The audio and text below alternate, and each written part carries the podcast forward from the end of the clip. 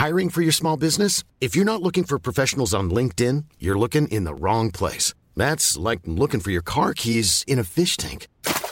LinkedIn helps you hire professionals you can't find anywhere else, even those who aren't actively searching for a new job but might be open to the perfect role. In a given month, over 70% of LinkedIn users don't even visit other leading job sites. So start looking in the right place. With LinkedIn, you can hire professionals like a professional. Post your free job on linkedin.com slash people today. Nu kommer attack ifrån Sugarcane Hanover som går mycket, mycket fort tycker jag. Det är så fort så jag tror att Kallit kan få svårighet att svara.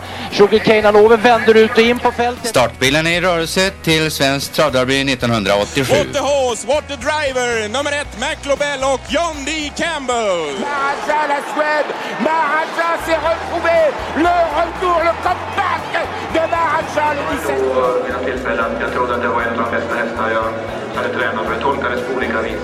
Du behöver inte misstolka det längre för det här är den bästa häst jag har kört och tränat någon gång. Barenne, me gusta, me gusta, me gusta! Un classico, no problem! Barenne, facile! Det är på nytt tisdag. Då vet vi att det som vanligt är Trottosports podcast som pockar på uppmärksamheten. Kan vi börja med Milligan School direkt? Och ja, Åby Stora Pris. Det 2020. här är en unik häst tycker jag. Alltså. På vilket sätt? Han var med Peter Houghton Memorial, vann eh, som tvååring på Meadowlands. Ett hit där, försök. Var året efter med i eh, Hamiltonian och blev sexa tror jag. Alltså de här amerikanska hästarna som är med i de där tuffa årgångsloppen. De brukar inte bli så gamla på tävlingsbanan av, av olika skäl. Eh, och i våras var väl han eh, så illa ute att han knappt fick plats i loppen eftersom han inte hade poäng så det räckte.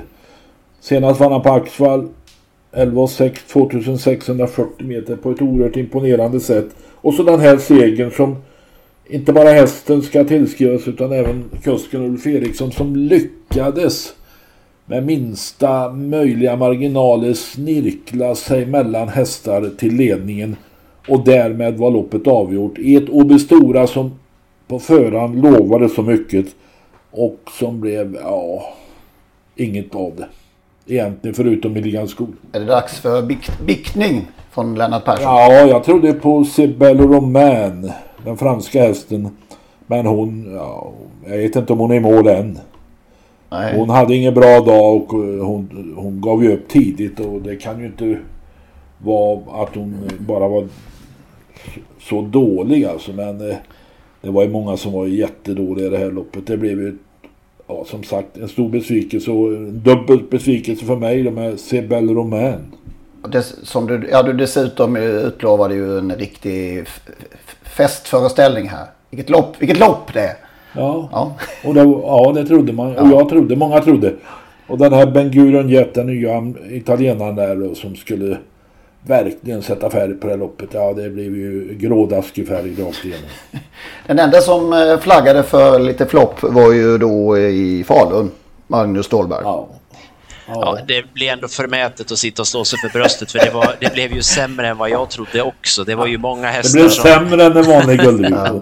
Nej, men det, var, det var ju många hästar som, som eh, underpresterade där och vi hade ju även kuskar som kanske inte riktigt eh, gjorde det de skulle. Jag tänk, tänker ju då på Rickard Skoglund som i sista kurvan där väl, väljer att lämna ryggen på Milligan School. Han sitter perfekt i rygg på Milligan School. Som På Åby!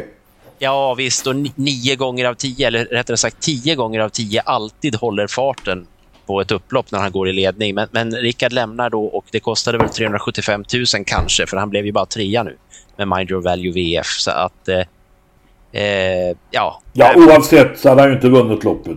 Nej, han förlorade Vilken inte väg han loppet. hade valt. Nej, det hade ingen betydelse där. Men, men, eh, nej, men det Han var tunt. andra priset som någon skrev. Ja. Sen eh, Very Kronos eh, kom ju lite eh, tokigt på det där när, när eh, Pacific Face gick ut snävt. Men, eh, och det, han, han tål ju inte det. Eh, det här var ju mindre än vad det som hände i Hugo Åbergs, men likväl så Very Kronos klarar inte av den typen av, av störningar och jag tycker inte heller att Very Kronos fortsatt inte ser inte ut som den häst han var när han var så där bra här tidigare. Det, det, är något som inte är riktigt klockrent. Det är inget stort fel så på inget sätt, men det är ändå inte så att det känns som att han är riktigt där han har kapacitet ja, att vara. Det, det, kan man ju läsa i statistiken. Han har sju starter i år, ingen seger. Nej, det trodde man ju inte inför den här säsongen att det skulle se ut så nu när han äntligen ja. hade börjat gå felfritt i loppen. Då tänkte han man att nu... 9 av 17 i fjol. Ja. Det är lite olyckliga omständigheter och det är som du säger ingen slump heller. För att han, jag, jag håller med Magnus, han ser inte... Han har inte sett klockan ut någon gång i år faktiskt. Nej, så är det. Och jag tyckte väl lite detsamma. Vi hade lite diskussion där i lördags eftermiddag om huruvida Ben Gurion Jet var lika spänstig och såg lika bra ut som Pierres. Och, eh, eller om det var någon skillnad då. Kanske fick rätt att det var lite sämre och det var kanske därför han inte kunde ladda från start heller. Nej, det var en stor besvikelse. Och sen springa tre varv utvändigt ledaren i dödens, det är ju omöjligt. Mm. Så är det ju. Men hans... Eh, stjärnglans flagnade och jag tänkte på det där. Han, var, han blev ju favorit i nästa års Elitlopp hos spelbolagen efter den där makalösa segern på Jägersro. Eh, jag tror de som mot förmodan gick in och spelade då inte är så särskilt nöjda med det spelet just nu. Jag hoppas för gudarna att det var noll personer som gjorde det. det kanske är år, tidernas sämsta odds. Vad stod han i? Ja, på fem va? Eller? Ja, till och med under tror jag. Ja, till och med under. Ja, det är ju vanvettigt. På alla sätt. även, om, även om det hade varit varen på varens tid hade det varit hemskt dåligt. Ett år i förväg nästan. Något annat från Åby att minnas från denna dag? Ja, det är klart att Born Unicorn som fullständigt mosar Vikens High från dödens och vinner helt överlägset. Imponerande. Mycket imponerande. Och så Ja, det går inte annat än att gilla den här Sion Font som joggar till ledning och så joggar han i 2000 meter till och så joggar han i mål. Var det, hur, var, var, det någon, var det inte någon som hade synpunkter att hästar joggar, det är inga joggingturer? Nej, det får de gärna ha. Men det, såg ut, det ser ut som han joggar. Ja, jag han är så elegant i sin stil, måste jag säga. Och det här, det här ska bli mycket intressant att följa framöver. Han har vunnit 19 av 22. Så han är ju inte... Han är sex år och är inte särskilt hårt tagen. Men jag är vallack och vi, han har väl mindre, mindre lopp där på Vincennes sen då. Om man ska vara med där tyvärr va. Han är en underbar häst det är det. En och Village Mystic, pappan där är ju en Lavio-son. Så att... Ja, den kommer vi få se fler gånger. Det tror vi.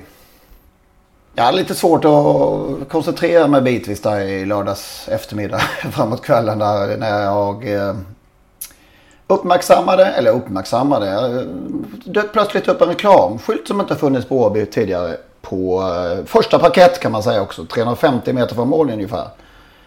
Kan väl ingen ha missat. Jag missade den till du påpekar. Det var så? Det var så. Ja. Jag är allergisk mot reklamskyltar. Ja.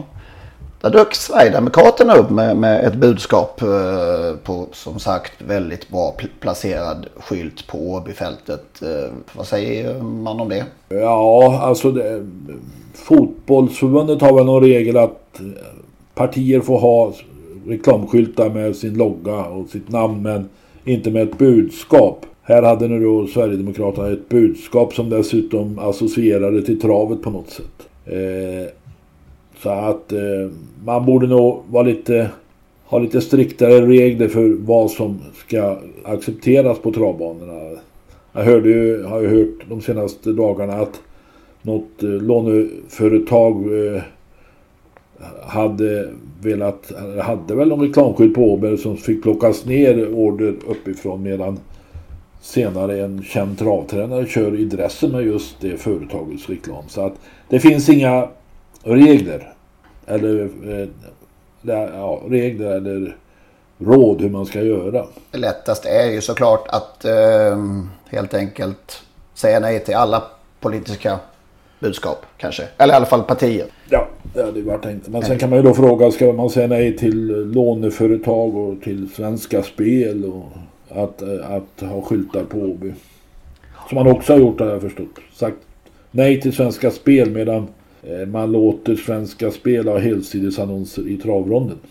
Jag tycker ju det blir knepigt när eh, travsporten eh, å ena sidan har en eh, fin diskrimineringspolicy som säger till exempel att eh, ingen ska bli sämre behandlad än någon annan på grund av egenskaper som inte går att påverka som kön, könsöverskridande identitet eller uttryck, etnisk tillhörighet, religion eller annan trosuppfattning, funktionsnedsättning, sexuell läggning eller ålder eh, jag tycker ju inte att det går riktigt eh, i linje med eh, detta parti. Jag tycker det blir problematiskt där. Jag tycker det är bara att säga nej faktiskt. Ja, det är ett problem. Problemet uppstår ju också i då det som Lennart säger här om man, om man har någon slags idé om att man säger nej då till företag och annat som i, där man då anser att det på något sätt eh, strider mot antingen någon policy eller att det helt enkelt konkurrerar med, med den verksamhet man bedriver i någon form. Eh, då har man någon slags regelverk inom citationstecken som man lutar sig mot. Men sen släpper man igenom andra saker som ju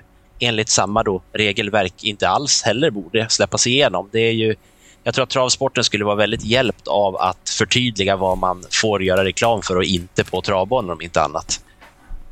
Det skulle ju underlätta för de som sitter på banorna att, att veta vilket ben de ska stå på också om de inte vågar, vågar ta den ställningen själva. Då.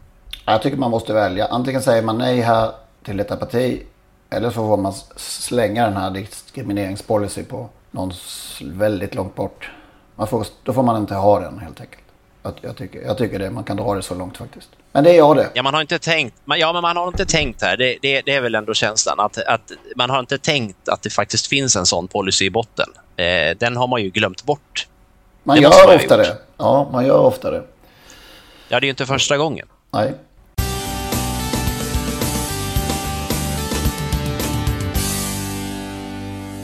Då ska vi säga också glädjande nog. Jag har fått påminnelse eller påpekande från folk som saknade vintipset. Om det är två veckor i rad nu. Eh, och eh, vad händer då? Då dyker de upp igen. Vinfolket.se. Vinleverantören på nätet och faktiskt med vinbar i Stockholm också. Som ju går ut med att man erbjuder kvalitetsviner till rimliga priser från mindre vinmakare och eh, leverantörer. Den här veckan blir det ett skaldjursvin. Det är sådana tider nu. Kräfttider. Ja, och nu är det kräftskivornas tid. Kräftskivornas tid och eh, lite längre är det sen är det väl eh, krabbor och hummer och allt vad det är senare i höst. Jajamän, vi kör på. Ja, då blir det en Riesling från Frankrike. Louis Olaire heter eh, detta, denna vinmakare. Väldigt trevlig person. Jag hade, vi hade en um, digital vinprovning med honom i, i vintras. Och det var väldigt uppskattat. En Riesling att lägga i källaren om du vill. Eller dricka direkt i, ja, som ungt. Det funkar också. Och väldigt pa passande till skaldjur just. Det finns även förutom detta ett, just nu ett skaldjurspaket på vinfolket.se. Det kan man också gå in och kika på. Skaldjursfesten heter det. Skaldjurspaket. Ja. Är det vätten, vättenkräftor i det paketet? ja, det Passande viner allihopa. Fyra olika viner i detta paket som finns till eh, prisvärt pris på vinfolket.se.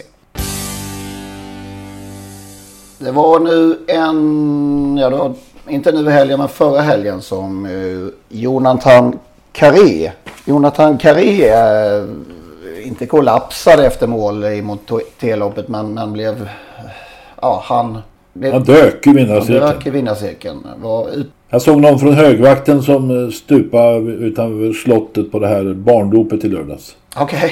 Det var ungefär som Jonathan Carré. Mm. Det slog mig lite då att vara... Att försöka leva på att vara monterryttare. Det är nästan helt omöjligt. Monter catch driver. Ja, det är, catchdriverna har ett himmelrike jämfört med, med en monté-catchryttare. Eh, alltså de får ju fara land och rike runt och oftast är det bara en enda uppsittning per tävlingsdag. Ibland är det två. Jag tittade lite på Carrés innan den där Rättviksdykningen där. 16 juli Axvall, dagen efter Årgäng Sen några dagar Jägersro, dagen efter Eskilstuna. Två dagar senare Bollnäs. Sen var det Axvall två dagar i rad. Och sen direkt till Boden. Åby två gånger, två lopp. Solvalla två lopp. Romme, Kalmar, Solänget. Och så Rättvik. Och efter det Skellefteå, Bollnäs, Åby. Han hade ju en jäkla fin helg alltså.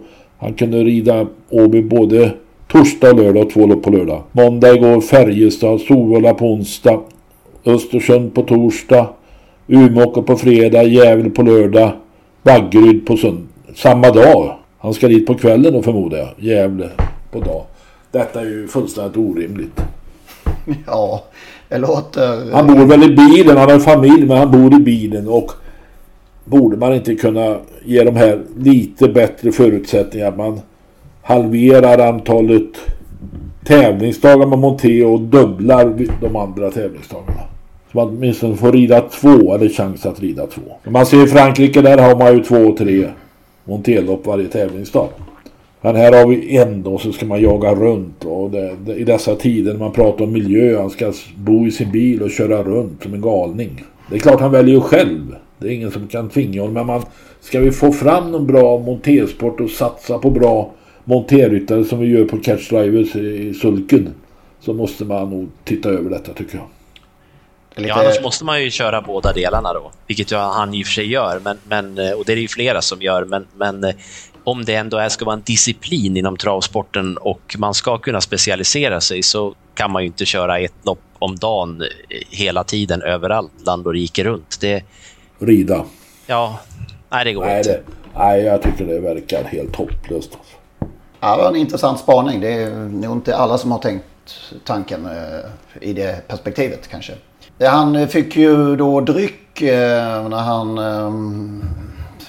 mycket riktigt eh, såklart. Men efter loppet där i Rättvik. Det blev också fel för det får man ju inte egentligen innan man ska väga in igen.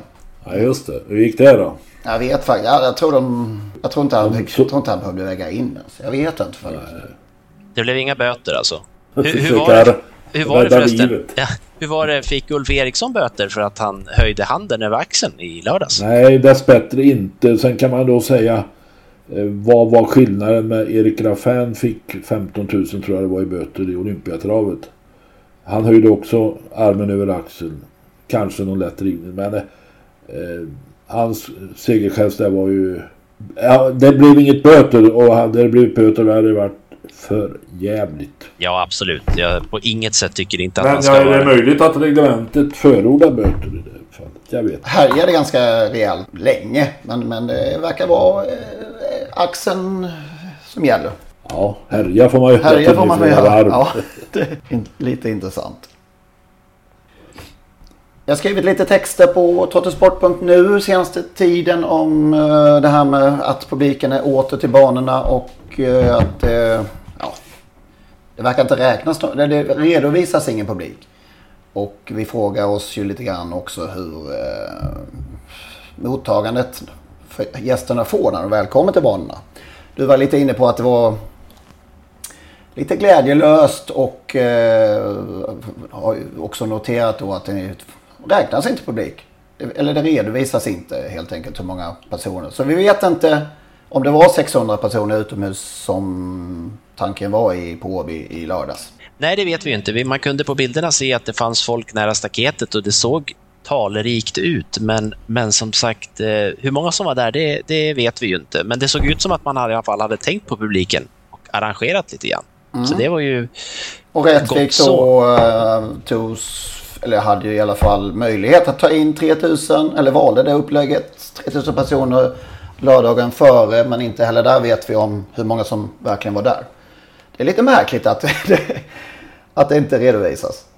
Nej, det är ju, för jag, som jag skrev i, i min text där på, på trottosport.nu där att det är dels noterade då att den 12 mars förra året är senaste gången som vi fick en publiksiffra och då var det när det var V64 på Östersund. Då var det 228 personer. Sen vet vi ingenting. Och sen banorna nu öppnade för publik eh, under de reglerade former som är så måste man ju rimligen räkna hur många som kommer in. Det verkar ju alldeles obegripligt att man inte skulle ha en siffra. Och då kan man ju undra varför har ST bestämt att vi inte ska få veta hur mycket personer, hur många människor det är på en tävlingsdag? på en travbana? Vad, vad är, det, det är ju ett aktivt fattat beslut. Ja, det är svårt att tolka det på annat sätt i alla fall. Det är sätt att slinka undan här utan att någon ska märka det på något vis. Eller jag vet inte. Ja, jag vet inte. Syftet med att inte längre redovisa publik, eh, det, har, det är bara ST som vet varför. Men man kan ju inte tänka sig något annat än att man helt enkelt inte vill därför att det kommer inte så mycket folk. Det är klart, nu kan det ju inte komma hur mycket folk som helst eftersom det är reglerat för travsporten som för alla sporter. Men det förstår ju folk också. Det är ju ingen som kommer att sitta och skratta och säga åh vad lite folk det går på trav. Eh, det är ju reglerat. Men jag, jag vet inte. De, de, om vi frågar, får vi veta då? Får Folkhälsomyndigheten veta om de frågar? Vem får veta? Vem vet hur många som är på en svensk travbana? Jag, jag håller på med lite fotboll på låg nivå, nivå 2, så där redovisas ju publiksiffrorna 158 och 212 och sådär. Mm. Allsvenskan i fotboll eh, redovisas ju på exakt nivå liksom. Ehm, lite sorgligt är också att ehm, ja, banorna har ju inte haft det lätt det här senaste året. Och det har varit rätt så deprimerande och, och eh, måste det ha varit och jobbat på marknadsavdelningar och allt vad det är. Och folk har väl blivit permitterade och eh, nu när då publiken äntligen skulle få komma tillbaka så var ju banorna och säll, ja, sällskapen, eh, organisationer och eh, ja, travbanorna helt enkelt väldigt eh, överens om en sak och det var att de önskade av ST och Svensk Travsport att få ett stöd inför uppstarten då liksom. Ja, för att kunna sätta in åtgärder eller i alla fall eh, hitta resurser för att eh, försöka och visa att de finns igen. Det sa då ST och Svensk Travsport nej till. Det handlar om totalt 15 miljoner av det här miljardöverskottet som ATG efter, efter det här pandemiåret gjorde. Var det ST som sa nej eller ST och ATG? Ja, ST och ATG. Ja, ja. för du uttryckte det lite dunkelt. Ja, det gjorde jag nog. Man blir deprimerad av detta. Det måste man säga. Det är väldigt tydligt tecken på att publik... Det här med publik det är... Det, det är helt ointressant. Ja. 15 miljoner av, av en miljard. Det är liksom inga pengar alls. ju. Det säger, något, det säger någonting helt klart. Ja, det säger någonting eh, trots att det är en tystnad ifrån SD då, vad, vad, man egentligen vill. För det man vill är ju att folk ska komma tillbaka. Man har väl både, vad heter det, P, ja, men jag tänker Pegasus och Vi är sport eller vad det är. Alltså, det, det, finns ju en massa ambitioner, alltså i text ambitioner, det... men, men, det, men i realiteten är det ju, jag vet inte, jag, här är det, får jag nog säga att jag är, är, lika uppgiven som det verkar vara på, på många travbanor. Jag, jag fattar helt enkelt inte det här. Det är, nej, det är märkligt. Man kan inte hålla på. Man kan inte skriva en massa dokument, åka land och rike runt och genomföra seminarier och allt man har gjort. Och sen så samtidigt bedriver man ju en helt annan aktiv travpolitik än den man säger sig göra. Då. Det är lite som en diskrimineringspolicy versus reklamskylt. Ja, det går inte hand i hand om vi säger så. Nej. Jag har fått eh, svar också på eh, vad eh, orsaken till att den här galopprailen på Jägersro sitter kvar. Oj! Ja. Det är ju spännande. Alltså, ja, vad, efter alla dessa år, vad är det som gör? vad är det som gör? Vad är det som gör? Vi strävar, säger Karin Svensson på Svensk Travsport som eh, ansvarig för det här. SÄBA, eh, säkerhetsavdelningen, jadi jadi någonting. Eh, stämmer staketet gentemot galoppbanan på upploppet sedan tid, en tid alltid är på plats. Beslutet om att det ska vara så är gemensamt taget av SD och VGSO. Vi strävar alltid mot att minimera riskerna vid olyckor eller oförutsedda händelser. En viktig del i arbetet är att begränsa områden som lösa hästar kan vistas på. Allt för att minska olyckshändelser. Vi kommer aldrig lyckas eh, eliminera alla olyckor men vi ska åtminstone göra vårt bästa för att minska riskerna. Ja, de hade glömt det där i lördags för då höll ju de här stackars folket i tv-studion på att bli fullständigt översprungna av någon häst. Eh, jag försökte ställa frågan vad, vad, vad, kan hända om en häst kommer in på galoppfältet? Ja. Fick inget svar på den följdfrågan. Ja, men det är, bara, det är bara en massa ja, det är, nys. Det har alltså varit i... Eh, hur länge har det funnits en galoppbana? Har den funnits jämt? Den har alltid varit gemensam bana. Ja, det tror jag. Ett sekel har det varit en eh, jätterisk eh, på Jägersro. Ja, ja Ja, jag vet, ja. Jag, jag kan inte hjälpa att säga, jag måste ändå fundera ändå. Vad händer om en galopphäst kommer lös på galoppbanan? Och det måste ju vara jättefarligt eftersom en häst kan komma in på galoppbanan. Det verkar ju, det lägg ner galoppen. Ja, vilket de Den är snart ska. Ja. Ja, det, ja, är det Ja, beror det det på det här är- då alltså? Ja, Ja, nej, det är bara nys, det, det förstår ju var och en. Men vi har fått förklaringen i alla fall. Officiella. Ja. På tal då om eh, publik och sådär på banor eller inte och vad som är orsakat till att de inte är så många längre. Kan vi nästan ge, ge en parentes kring eh, just runt det här ämnet kanske. Men när började egentligen förtidsvaden? Döm om min förvåning när jag på Stockholms stadsmuseums Instagramkonto i, i veckan här. Fantastiskt konto för övrigt, det måste man följa. Om man är intresserad av den svenska huvudstaden. Eh, ja, Stockholms stadsmuseum. Eh, där fanns en bild från 1942. Som skyltade med, ja, det var sånt här Depeche-kontor då. Stockholms-Tidningen, Aftonbladet. Där kunde man alltså förtids, eh, lämna in förtidsval till Åbys tävlingar. Någon tävling, jag tror det var på söndagen det skulle vara tävlingar. Det var nästan alltid på söndag på den tiden. Ja. Jag. Götgatan 60 eller 80 i, på Söder i Stockholm kunde man alltså spela förtidsval. 1942. Inte bara att det var mitt under kriget, det är ju en sak. Men, men jag tror det aldrig att det förekom eh, så tidigt. Men man var tvungen att spela en eller kanske två dagar före. då. Ja, det tror jag det. Men, Jag in, ja, ja. Man, men att det fanns! Nej, det kunde jag inte drömma om faktiskt. 1942. Ja, jag kommer jag kommer ihåg när jag alltså eh, stod på uh, Kungsportsplatsen i Göteborg och följde i, jag tror det var Göteborgs Sjöfarts och Handelstidnings fönster där, deras depeschkontor. Där hängde man upp fotbollsresultat och så hängde man upp travresultat och så plockade de ner Färjestads skylt där och så någon minut senare kom man med nästa lopp då va, och skrev odds och så vidare. Va. Där stod ganska många människor på kvällarna och frös. Mm. Så att eh, de där depeschkontoren fanns ju till och med i Skara, lilla Skara fanns ett depeschkontor en gång i tiden där man kunde spela på Skara tidning. Och så kunde man om man ville titta på kvällen i den här i skyltfönstret. Sen fanns det andra här i Skövde. Det fanns ju en klubb där man kunde gå in och spela och det var inte dagen före eller två dagar före utan det var en minut till start. Och då hade de ett ombud i Göteborg som satt i någon lokal där och via telefon tog emot spel och så spelade man i toton vissa spel och andra struntade man i att spela. Det måste vara någon in- inofficiell Ja, kanal. det är klart att det var. Den, den, den där har man ju hört varianter på, men jag tänkte, jag satt och tänkte Ganska här. stor, stor, stor eh, ut, utbredd. Men alltså, jag, jag förstår att det är på 60-talet kanske, som ju du väl refererar till. Ja, slutet av slutet av 60-talet. 60-talet. Ja. Men 1942, hur, tidigt började vill vi veta. Är det någon där ute som vet? Det kanske är lite väl att kräva det. Jag vet inte om de lyssnar. Men, men nej, jag är lite halv, småchock, i småchock fortfarande. Och ännu mer i chock över att lilla Skara hade ett depeschkonto. Hur gick det till? Nej men det var ju på tidningen. satt en tant där innanför disken så kom han dit och spelade. Och så fick man en stämpel och så en Men varför, varför i Skara? Alltså, hur kunde det finnas i Skara? Det är obegripligt. Nå, jag vet inte. Skara ligger ju om eh, du kan lite av din geografi bara någon mil från Axvalla så det var ett stort travintresse.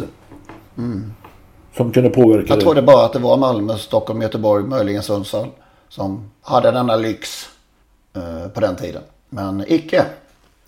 Det är fascinerande. Ja, visst är det. fascinerande. Ja, det är det ju. Jag, jag sitter här och tänker också på, på hur det här levde in i lite mer i nutid när, när jag som 13-åring eh, uppenbarligen utan att jag riktigt förstod det själv då, kringgick någon form av bestämmelse när jag gick in och spelade på postanvisning på posten. Ja, ja, eh, visst. spelade så 10 fick- kronor vinnare och 10 kronor plats. Det, det var nog ingen kassörska Vi vanliga dödliga fick göra det på det sättet.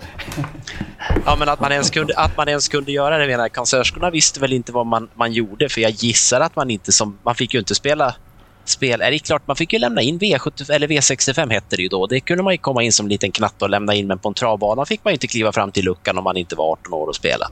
Det borde du inte fått på posten heller naturligtvis. Nej, naturligtvis. Men, Eh, eh, De hade ingen aning får- vad jag gjorde kanske, Nej. men V- V65 gick ju bra.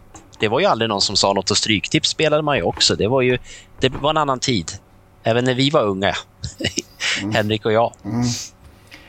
Eh, hur gick det sen då? Kring, från Depeche-kontor då till eh, Totomaterna? Ja. Kommer ni ihåg när de kom? Ja, 80-tal vet jag ju, men, men eh, du får upplysa om den riktiga tiden. Alltså V75, V65 infördes så spelade man ju flera år på posten där. Posten och Domus hade väl möjligen också någon va? Men de första totomaterna installerades 1987.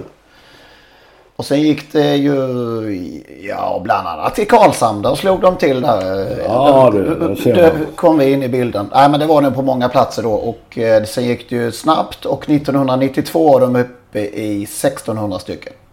Totalt över landet. Och sen har det vikt av gissar jag. Sen har det väl, det, det får vi väl tro om det, det kanske ökade ytterligare några år kanske innan det borde ha eh, klivit ner i fall, fallande skala så att säga. Man ser ju att den där skylten Djävulens huvud är nedmonterad på en del ställen. Mm. Ja, spännande. Men eh, 1942 alltså, jag kan inte, ja, det var... inte släppa det alltså. Att det Nej. var mäktigt att se faktiskt. Lite mer nostalgi, men nu i hästform höll jag på att säga. Eh, ska vi börja med och eh, lyssna på en upplaga av CTH Erikssons Memorial. Svängen nu. Nummer åtta Rambrico leder sju. Snake i Soter på utsidan i tredje spår under avancemang. Nummer fem Born Quick följs i det angreppet utav nummer nio Bullfinch. De kommer in på upploppet. Tre hästar har vi bredd. Invändigt åtta Rambrico. I tredje spår nummer fem Born Quick. Åtta Rambrico. Fem Born Quick däremellan. Sju Snake i Invändigt försöker dock nummer åtta Rambrico att rycka undan. Gör också så. Långt ut kommer tre Step Proud däremellan. Fem Born Quick. Men vi har där i klarledning kort för mål nummer åtta Rambrico. 1991 alltså. Då hade han ju redan gjort 450 starter eller någonting. Rambrico, fantastisk häst ju. Får man säga. Vad, vad, vad slås ni av? Ja, att han var med, var med länge. Ja. Jämt. Var med och tugga i lite. Var ju med i derbyt och vann ju till och med ett derbyförsök på Bergsåker var det väl? Eller? Ja, vi, vi, kan väl lyssna också på, um, han finns ju faktiskt med i just det derby som finns med i vår vignett. Så kan bara flika in det också här. Startbilen är i rörelse till Svensk travderby 1987. Från innerspår. Nummer ett, Tom Crown, Sven-Gunnar Andersson. Nummer två, Mr Almo, Glauco Chicognani. Quick, Mats Rånlund. 11 Rambrico, Lars Axelsson och 12 Pale Amber, Jan-Erik Eriksson. Han var ju fyra i det där derbyt faktiskt. I en hård upplaga där ju då Tom Knight vann Far Young Turf och eh, alla så Anders Lindqvists dubbelseger där. Jag tror för mig att Ata Starell trots trubbel under säsongen där väl blev favorit. Eh, och Pipe Cab eventuellt andrahandare. Lord Quick var ju med också. Eh, och då eh, Rambrico från spår 11 ändå blev fyra. Det var starkt. Ja. ja, den som spelat plats på Rambrico måste jag tyckte var lite jobbigt för att han var väl mer eller mindre ospelad i loppet. Mm. Ja, just det. Jag tror han gav strax under 200 som eventuell eh, vinnare. Gjorde 206 starter och vann 69. Otroligt ju. Och tränades ju från start och under många år av Gävles Lars Axelsson. Och det är väl därför du tar upp Rambrico eftersom det är Gävle på lördag. Yes. Var du, det var ju dina rejonger, eh, Magnus.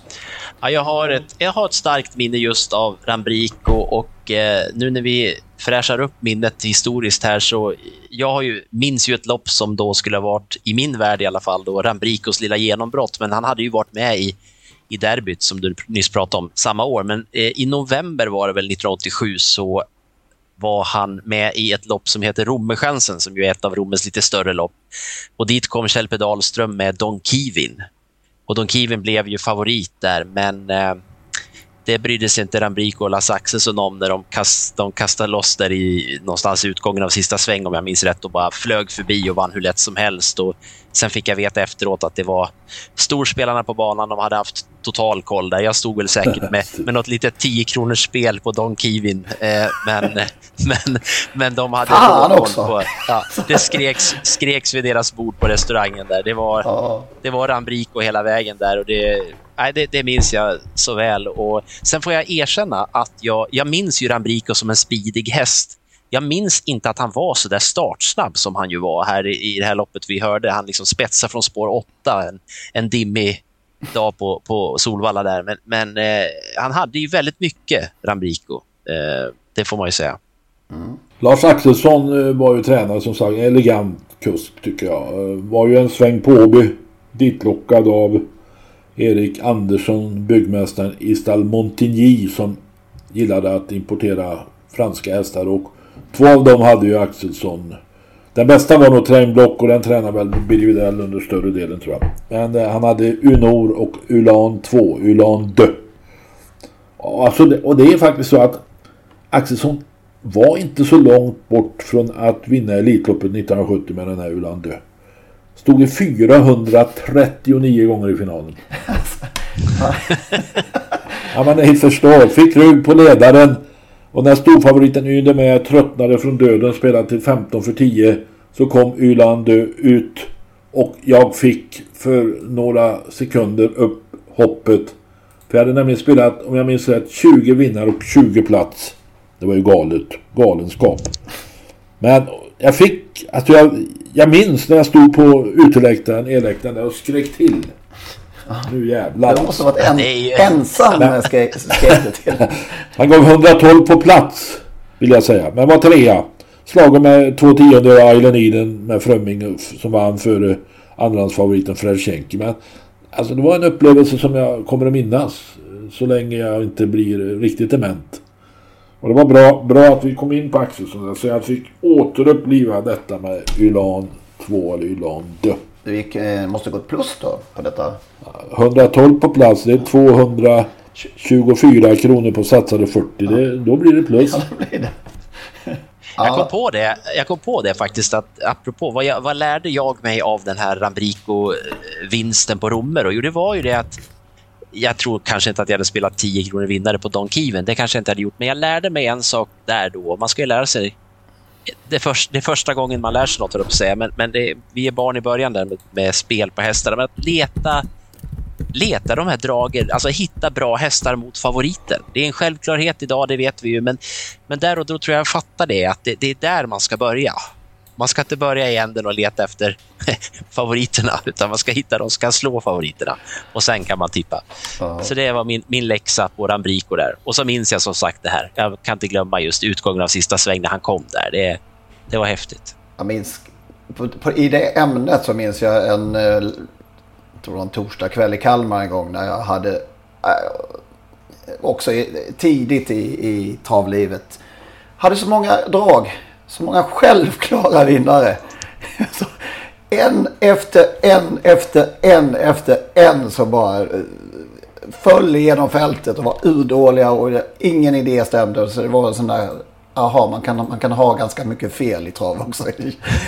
Det, det, det var också en väldigt nyttig ögonöppnare att eh, så enkelt är det. liksom, Vilken låter som en dyr läxa också. ja, mycket, mycket dyr. Ja, Rambrico, värd att minnas tycker vi verkligen. Som alltså tjänade totalt 4,2 miljoner lite drygt. Och han var ju på slutet där var han ju hos Robert Berg en period också. Han lämnade ju Lars Axelsson eh, inför 1993. Och han vann ju alltså varje år han startade, vann han ju. Startade som treåring 1986, avslutade som tolvåring 1995 och eh, segrade varje år. Och just avslutningssäsongen blev hans näst bästa säsong dessutom. Så att, det är penningmässigt ska jag säga. Så att han, eh, Tvåa med galopp i den sista starten. I livets sista start. ja, till och med det.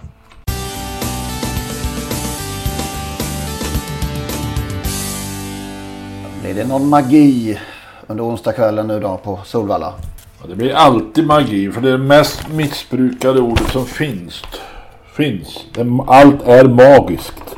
Det blir eh, väl återigen då max 600 personer på pub publikplatserna tror jag va? Eh, är det så? Jag tror det. Stopp? Även, eh, även derbyhelgen har man ju sagt så nu. Eh, att det bara blir 600 personer per dag. Så det gäller att vara ute där i god tid om man... Jag noterade här inför onsdagen att det är en miljon i det här eh, EM för ston. Mm. European Championship for Mares. Alltså det, det kan vara det enklaste eller mest urvattnade miljonlopp som har körts i världshistorien. Oj, det tar du i. Ja, men det finns ju en Melby Fri och någon till då va. Rebella Matters. Vad är det? Nej. Sämre än Åby Stora Pris 2021 alltså? Ja. Nej, så dåligt kan det inte bli naturligtvis. Nej, men det, det, är helt ofattbart alltså. Ja, bra betalt i alla fall då för den som... Det finns ingen, alltså Frankrike skickar ingen häst till detta. Ja, det kan visa sig att eh, Timo Normos har tänkt helt rätt där som, som ju anmäler den här Chicharita som ju gör sitt, sin karriärs absolut tuffaste eh, har sin tuffaste uppgift, eller i alla fall kunde ha haft. Det kanske blev lättare än han trodde med, med Chicharita. Det visar sig. Ja, ja, ja, jag förstår ingenting av detta. Nej. Men alltså, Nej. Kate Baldwin, inget fel på dem. Naman Gabo. 696, alltså det är ju klass 1-hästar, bronshästar. Det är några bra då. Melby Free och som jag sa Rebella Matter som är miljonhästar. Willow Pride var ju också med men den tror jag är struken. Ja, precis. Den är struken. Ja, vi får prata om några roligare på, ett, några roliga lopp som är på, på onsdag istället. Mm. Vi börjar med jubileumspokalen då. Vann uh, Hail Mary-loppet i spårlottningen eller? Inte med tanke på vad ni sa förra veckan. Nej, jag håller fast. Har jag håller, jag håller... Har spåret ingen betydelse? Nej. Han vann dragningen. Han vann lottdragningen, Han vann eh, dragningen om de här wildcarden som Malmrot delade ut. Brother Bill fick inget, men Hail Mary fick ett. Eh, och det kan man ju så här på förhand i alla fall fundera på varför. Tycker jag. Med en häst som inte alls ser ut som han gjorde förra året. Jag har tittat igen här nu inför att vi skulle prata igen om, om det här med hur hästen har sett ut och, och eh, det är ju en... Värmningen inför eh, Breeders Crown förra året, i november förra året, då om jag ska överdriva lite då, men jag, alltså en spänstig, spänstig Hail Mary som nästan studsade fram.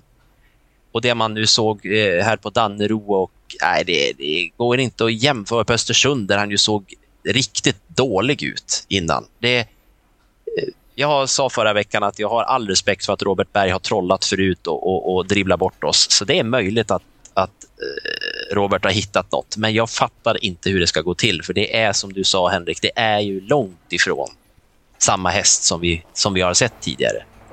Så jag tror att eh, jag blir jätteförvånad om Hail Mary plötsligt bara vinner ett lopp så här med sån här konkurrens, för det är ju, det är ett bra lopp. Ja, ja nej, jag instämmer till fullo. Eh, jättefint lopp ju. Vem är er favorit då? Don Fanucci sett säger jag direkt. Jag, jag har tittat om på Rättviksloppet där och tänkt det var lite blekt ändå, men det var ju... Örjan körde ju passivt. Det var ju inte aktuellt att gå fram utvändigt, Brother Bill uppenbarligen, och det gick ju inte så fort i början, men det gick ju desto fortare till slut och han var en bit under åtta sista 400 och det är, det är liksom nu ska, nu ska de prova barfota fram för första gången. Eh, just den kombinationen barfota fram, den har, är han i alla fall anmäld med och det har han inte gått förut. Det tror jag kan bli jättekul på Don Fanucci sätt. Jag läste en intervju med Berg som inte betraktar Don Fanucci sätt som sin värsta konkurrent utan Eitos Kronos. Är du förvånad? Nej, förvånad blir jag aldrig i den här branschen. Det kan jag säga. Men, men eh, han kan ha rätt. Eitos Kronos kan ju vara den som är bäst. Absolut, det, det säger jag ingenting emot. Men, men lite respekt kanske man ska ha för en regelrätt Elitloppsvinnare. Ja. Mm. Ja, men vilket, lopp, vilket lopp det är och alltså att det är bara hoppas att det blir den här fina solnedgången, den här vackra sommarkvällen på, på Solvalla därför att en sån som Admiral As som ju på något sätt verkar ha hittat sig själv nu Eh, och har varit jättefin på slutet. Och sen då uh, Upstate Face som ju absolut inte gjorde bort sig i Åbergs. Det, det finns så många roliga uh, så många roliga ingredienser i det här loppet. Då. Och dessutom fick de Fanucci Set Spår 10. Och Clickbait tar ledningen och, och glider ifrån dem. ja, Nej, men det, det... Kan det tänkas att han släpper till någon? Eller finns, det, finns den? Nej, jag vet Vem- inte vem, vem- vem som skulle vara först framme. Ja, det skulle vara Berg provar möjligen. Vem provar annars? Ja. Ja, men den tror vi inte mäktar med att finnas med i resonemanget. Att kunna överta. Nej, han kan ju ett varv. Kan... Ja. Axel Rose.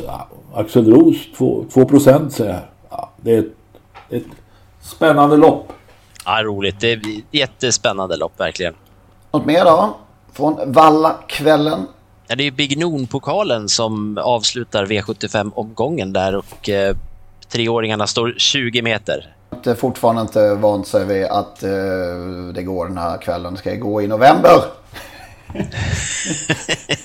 Eller hur? Där, där får du ju lite, lite utväxling på, på din favorithäst här, eh, Stolberg. Ja, eh, pratar vi om eh, Rome Pays Off nu? Ja, det är väl enda häst du pratar om egentligen. Ja, det skulle man kunna säga. Ja, varför inte? Jag, eh, jag, jag säger så här i alla fall. Jag tycker ju inte att den här Frode Hamre-hästen Asteroid är så... Alltså bra är han ju naturligtvis. Jag kanske får äta upp det här, men jag, han startar inte jätteofta. Lite klafsig i stilen och jag tyckte inte att det var direkt det bästa man har sett av honom när han vann loppet senast där. Så att... Eh, jag, jag så sticker i alla fall ut hakan och säger att det kan vara omgångens märkliga, eh, inte märkligaste favorit, men kanske den mest sårbara favoriten. Så kan jag säga. Och jag måste säga också som min avslutning i det loppet att för, om inte annat för framtiden. Jag, jag sitter och tänker på Tarzans, den här Chestnut Hill där. Tänk om Tarzan kunde hitta nyckeln till varför hästen inte får sin aktion att fungera, framförallt i slutet av loppen. Alltså som han såg ut senast. Eh, men han faller ju ihop till slut där. Men, men det är ju en travare som... Det vore roligt att få se någon slags förvandling eller i alla fall samma utveckling som Milligan School. Det hade ju varit fantastiskt roligt. Från Solvalla går vi till Gävle då på lördag.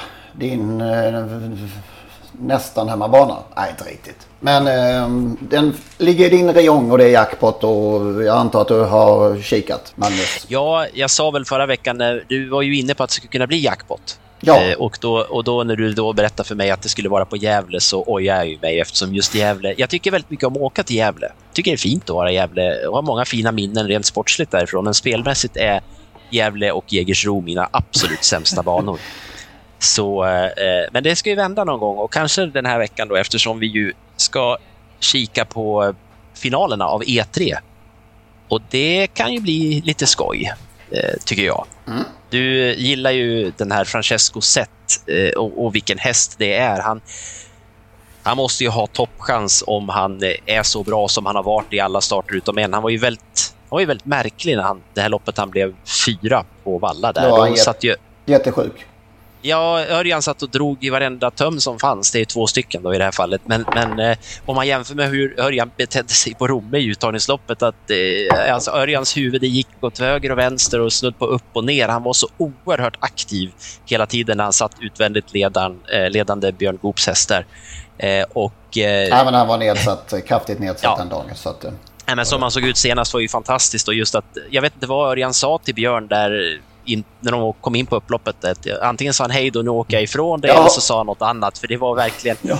Det, det intrycket eh, på Francesco Zet var ju fantastiskt bra. Men jag vill ändå lyfta fram Daniel Wäjerstens eh, Immanuel K som är, som är väldigt underskattad och som fick ett bra läge nu jag tror ju jättemycket på Francesco Zet, det är inte det. Men Immanuel K är en häst som, som jag nog ändå tänker betala för därför att han är, han är bortglömd varje gång. Eh, men mycket, mycket bättre än, än, eh, än så. eh, vad det Erik Adielsson brukar säga nu. Jag säger inte att den vinner, men... Nej, det, det, var lite, det är lite så. Jag, Ja. jag tänker alltid så. Ja. Nej, men det, jag gillar den här Immanuel K och eh, jag ojar mig än att jag inte spelar honom här när han vann till 25 gånger. Det, det, jag måste ta igen det på något sätt så att jag, jag får väl hålla på och älta med honom ett tag här nu. Mm. Men, men som sagt, Francesco sett vilken häst det är. Det går ju... jag- Oj, spännande häst. Och sen ska vi ta E3 för ston där också då. Som, Mm. När vi pratade senast så hade jag inte sett de loppen. Nu har jag ju sett de loppen och eh, Jag är väldigt inne på att det blir Örjan.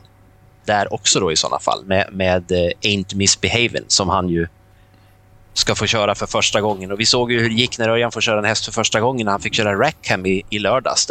Kristoffer Eriksson har kört varenda start. Så fick Örjan chansen. Och inget ont om Kristoffer Eriksson, men någonting hände ju för Rackham var ju helt fantastiskt bra. Så uh, Ain't Misbehavin har vi spår 9 där och, och, det tror jag kan vara perfekt för det kommer att gå undan från början. Och Örjan, det, det är ingen idé att säga att Örjan är smyg-Örjan, för vi vet alla det. Han är ju expert på det där. Han löser ju den här uppgiften med den här hästen, så jag tror att eh, Ain't Misbehavin vinner.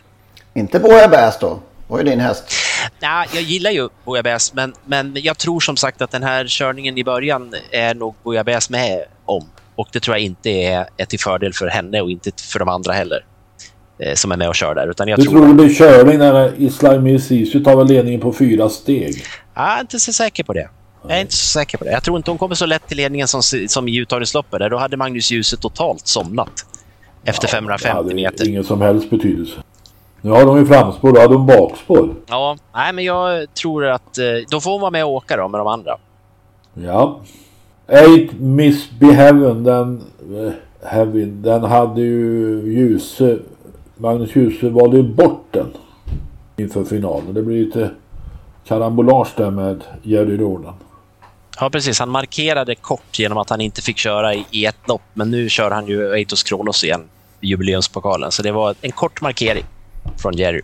Öppet, ja. Mer öppet i alla fall i, i storfinalen för, för han förlorar inte. Francesco. Francesco! Nej, det har man svårt att tro. Jag, jag säger... Det, det är, jag låter som Erik Adielsson. Jag ska inte ta det igen. Det, det, det är mest att jag... Ny jackpot med andra ord. Ja, alltså ännu en ja. Till, eh, ja. till Bergshockey då. Ja. Och det gillar jag i sådana fall mer. Mm. Ja. Då, och, på Bergsåker, eh, och på Bergsåker um, omgången innan Jägersros derby helg brukar det alltid också bli jackpot. Så att, um, jättepengar på Jägersro om några veckor. ja. ja. Vad bra. Är det något mer innan vi säger nu packar vi ihop. godnatt och uh, gå in. Uh, vi påminner igen om vinfolket.se. Gå in nu för tusan och köp den här Rieslingen. Det finns då en uh, annons på trottosport.nu och där hittar man ju också den här skaldjursfesten som paketet heter. Och ni vet också att och man kan... Och så Patreon får du inte glömma. Trott, den här rabattkoden Trotto också för, för, för vinfolket. Patreon. Patreon.com. Gå in och ja, det går inte att köpa vin. Det Nej, går att stötta oss. Det går att stötta oss. Det går att stötta oss som dricker vin. 20 kronor eh, tycker vi att vi är värda per avsnitt. Eh, och så får man ju en hel del texter på trottosport.nu. Inte att om, förglömma. Om ni nu saknar eh, kyrkklockan i 18-ringningen i Skövde så beror på att vi började efter 18 mm. denna måndagkväll. Vi ber om ursäkt för detta. Vi ska, vi ska, vi ska bättra oss. Jag ska prata med kyrkoherden att du och be om ursäkt. Att vi har bytt tid, ja. Ha det gott! Hej hej! Hej då!